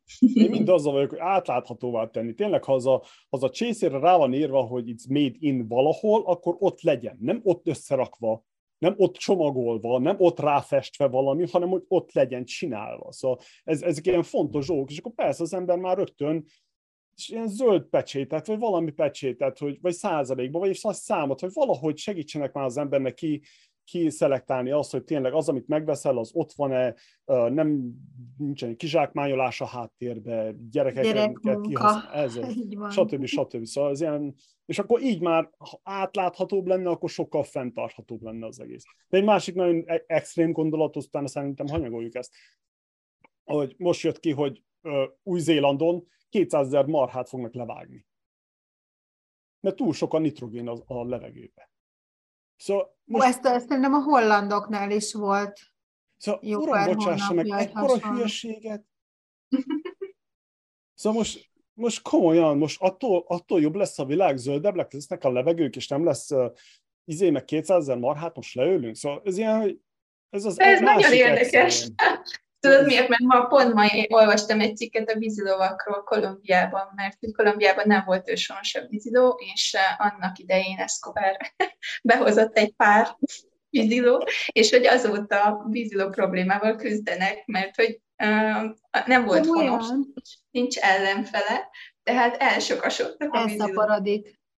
és nem tudják megoldani, hogy Túlnép, nagyon sok víziló túlnépesedés Kolumbiában ezzel bezárhatjuk ezt a témát, de hogy igen, ilyen, ilyen dolgok is történnek a globalizáció vagy a vágyak miatt, hogy na, akkor legyen három vízidom, és akkor majd abból a vízidóból hány vízidó lesz, és senki nem gondolkozik, hogy azok kiszöknek, mert miután meghalt, ugye senki nem foglalkozott a vízidóakkal.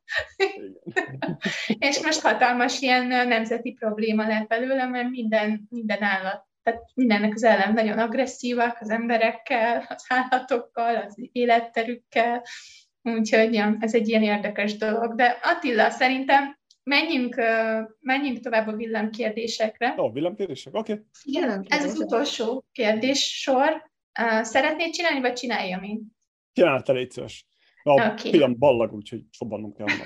Jól van, akkor befejezzük. Köszönöm. Uh, akkor utána csak simán bezárjuk a podcastot, és most így megkérdezem. Jó. Oké, okay, akkor kezdjük el a villámkérdések. Van néhány kérdés. Kedvenc könyved? Anthony Robbins. Anthony Robbins, melyik? Rengeteg van neki. Rengeteg van neki. Uh,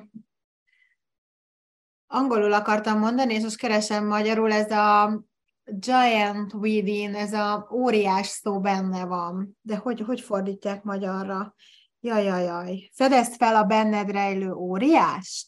Azt hiszem ez a címe. Nem én lennék az, aki ezt magyarul meg tudja neked mondani. Valószínű az. Melyik könyv volt a legnagyobb benyomással rád, mint vállalkozó?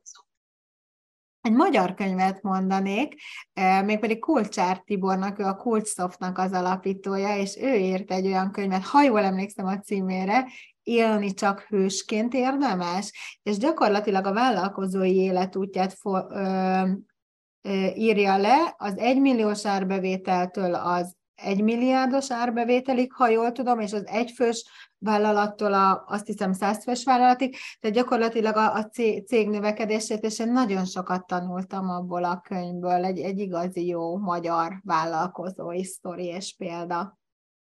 Esetleg egy bizniszkönyv, ami, ami segített a vállalkozásod építésében? Uh-huh. A Molnár Szabolcsnak van egy olyan könyv, az a cím, hogy Exit, hogy hogyan tedd eladhatóvá vállalkozásodat, és azt hiszem az eladható szó át van húzva az alcímbe, és fölír vagy önjáróvá, vagy fordítva, hogy önjáróvá vállalkozásodat, és az van áthúzva, és eladhatóvá, de a lényeg az egésznek az, hogy csak egy önjáró vállalkozás az eladható vállalkozás, és Szabolcs csodálatosan egyszerűen minden területet lefed ebben a könyvben, hogy hogyan eh, válhat egy cég önjáróvá. Nagy kedvenc. Járó vállalkozás, exit. Kedvenc podcasted? Hát a, talán a Business Bolszosoké. Uh-huh. Ott nagyon szerettem ott lenni. Mármint ami így üzleti jellegű, de, de nagyon szeretem a Friderikusnak minden adását megnézem, hogyha nem üzleti jellegűt kérdezel. Igen, akkor a, a másik a nem üzleti, az a Friderikus, ugye? Uh-huh. Uh-huh. Mit hallgatsz, olvasol, nézel most? Egyet is válaszol. Most, amit hallgatok, az, az, az, az a meditáció, most ismerkedem a, a meditációval, és így az elmém lecsillapításával, és van egy, egy fantasztikus weboldal, úgy hívják, hogy avanova.com vagy org, nem tudom, és, és az, minden reggel valamelyik meditáció, valamelyik avanovás meditáció megy. Olvasni, én, én egyszer olvasok több könyvet, és mindig azt nyitom ki így esténként, amelyikhez nem vagyok éppen elég fáradt, és most Pogácsa Zoltánnak a könyvei vannak porondon. Nagyon jó, és mi az, ami szakmailag inspirál jelenleg a napokban most? napokban és most, és, és szakmailag. Mm, lesz össze egy masterclassunk, és azt, azt rakjuk össze, és és ami, ami inspirál, vagy, vagy inkább meg kell oldanunk, hogy a hélium, ugye mi a lufit héliummal fújjuk, és az egyre drágább és egyre kevesebb van belőle, és most a kihívásunk az, hogy ezt a masterclass-t külföldi oktatókkal úgy csináljuk meg, hogy csak levegős eh, dizájnokat tanítsanak, egy olasz és egy spanyol oktató jön, és, és hogy lufik, amik jól néznek ki, kompozíciók, de levegősek, és nem héliumosak. Ez nagyon jó. Um, hogyan menedzseled a feszültséget? Stressz, Stressz vagy feszültség, igen. Stressz vagy feszültség. Én nekem a zene, a zene, ami nagyon bejön, és, és olyan, mindig olyan zene. Most vagy a, a meditatív, hogyha le szeretnék nyugodni, vagy hogyha egy kicsit föl szeretném magam hangolni, a, akkor pedig, pedig valami, valami kedvencem, és akkor ordítson a kocsiba. ez, ez így meg tudja változtatni a, a kedvemet. Mi van a zsebedben? Nincs semmi a zsebemben. Egyébként én ilyen, ilyen semmi nélküli vagyok, tehát látod, nincs rajtam se mhm. gyűrű, se karkötő, se nyaklán, se fülbevaló, se semmi. Uh, rendezett vagy rendezetlen iroda? Nagyon szép rend van, kolléganő rendet rakott. A delegált rend. Igen, a kolléganők, igen. Mit jelent számodra a pénz? Pénz? Melléktermék. Én mind, mindig is uh, úgy voltam a pénzzel, hogy ha valaki valamit nagyon jól csinál, uh, és sok energiát fektet bele, és jó helyre, tehát fókuszáltan, tehát jó, jó az irány, akkor a pénz az, az úgy is jönni fog, uh-huh. mint melléktermék. Csak legyen egy, egy jó küldetés, ami mellé oda rakhatjuk a lelkünket, szívünket. És mit jelent számodra a siker?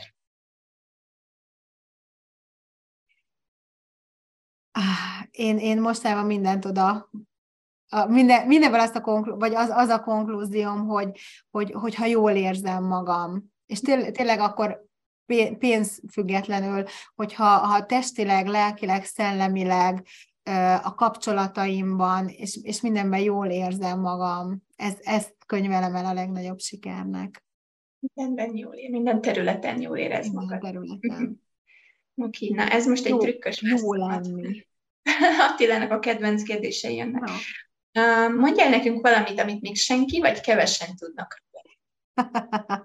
Jó, egyszer a csapatnak is elárultam, volt egy ilyen beszélgetésünk egy kócsal, hogy amit nem tudtak rólam, Ugye most nektek is elárulom, én a TF-re, a testnevelési főiskolára, akkor még nem egyetem volt főiskola, jártam másfél évig, és feltett szándékom volt, hogy aerobik edző leszek. Csak menet közben ugye a beszélgetés elején említett világított csillagoskákkal találkoztam, és utána a tojásfóliákkal, és utána a lufikkal, és utána rájöttem, hogy inkább vállalkozó leszek, és nem, nem aerobik edző. Ez így nagy fordulat. Ez jobban tetszett, igen, az üzlet. Szerinted mennyire fontos a szerencse az üzleti életben? Tudsz-e mondani egy százalékot? Az attól függ, hogy a szerencsére hogyan ö, nézzünk rá. Én, én, én azt gondolom, hogy olyan értelemben fontos, hogy, hogy ha megadatik az, hogy van két kezünk, van két lábunk, tehát épek vagyunk testileg és szellemileg, és akkor már minden megadatott ahhoz, mert ugye nem mindenki ennyire szerencsés, mert vannak emberek, akik vagy betegen születnek, akár testileg, akár szellemileg, én sajnos egy ilyet egész közelről nézek végig, nekem a testvérem született betegen, és én, én mindig hálát adok az Istennek, hogy, hogy, hogy nekem, nekem megadta az egészséget, testileg, lelkileg, szellemileg, mindenhogyan, és, és, és, és, és ez szerintem ez, ez, egy, ez egy nagyon nagy szerencse. Mi az élet értelme? Ez így a végére. Akkor megint egy konklúzió, mindig ide lyukadok ki, a szeretet. A szeretet. Baliról indulva és Balira visszatérve. Hát köszönjük szépen, nagyon, nagyon élvezetes adás volt, szerintem a hallgatók nagyon sok mindent tanulnak, hallgassátok vissza, mert szerintem rengeteg, rengeteg jó új dolog van, amit használhattok, azonnal bevezethettek a vállalkozásaitokba, és köszönjük szépen, Niki, hogy itt voltál, sok sikert kívánunk neked, és örülök, hogy a vendégünk voltál a Magyar Nagyon Biztos. örülök, hogy veletek lehettem, és beszélgettünk egy jót. Sziasztok! Sziasztok! Köszönjük! Mit tanultál a mai részből, illetve mit hajtunk ki a mai adásból? Ez a két kérdés foglalkoztat minket minden egyes adás után. Arra kérünk, hogy küldj egy e-mailt, és oszd meg az gondolataidat. A vállalkozásod fejlődéséhez és annak nemzetközi skálázásához elengedhetetlen eszközöket a Magyar Business Platformon találhatsz, iratkozz fel, csak egy percet vesz igénybe. Kövess minket a Youtube-on, ahol megnézheted a klippeket, teljes adásokat, kérdezhetsz, és válaszolni is fogunk. Ezeket a beszélgetéseket a Magyar Business honlapon már videókesz formájában elérhetitek, sőt, a régebbi epizódokat is dolgozzuk fel folyamatosan. Ezennel szeretném megköszönni a vendégeinknek, hogy eljöttek a virtuális stúdiónkba. Furis Adléla voltam, köszönöm a figyelmedet, és köszönöm a csapatnak. Nazsi, Regina, Jami, Bálint, György, Laci. Hatékony skálázás mindenkinek, és kellemes nyarat!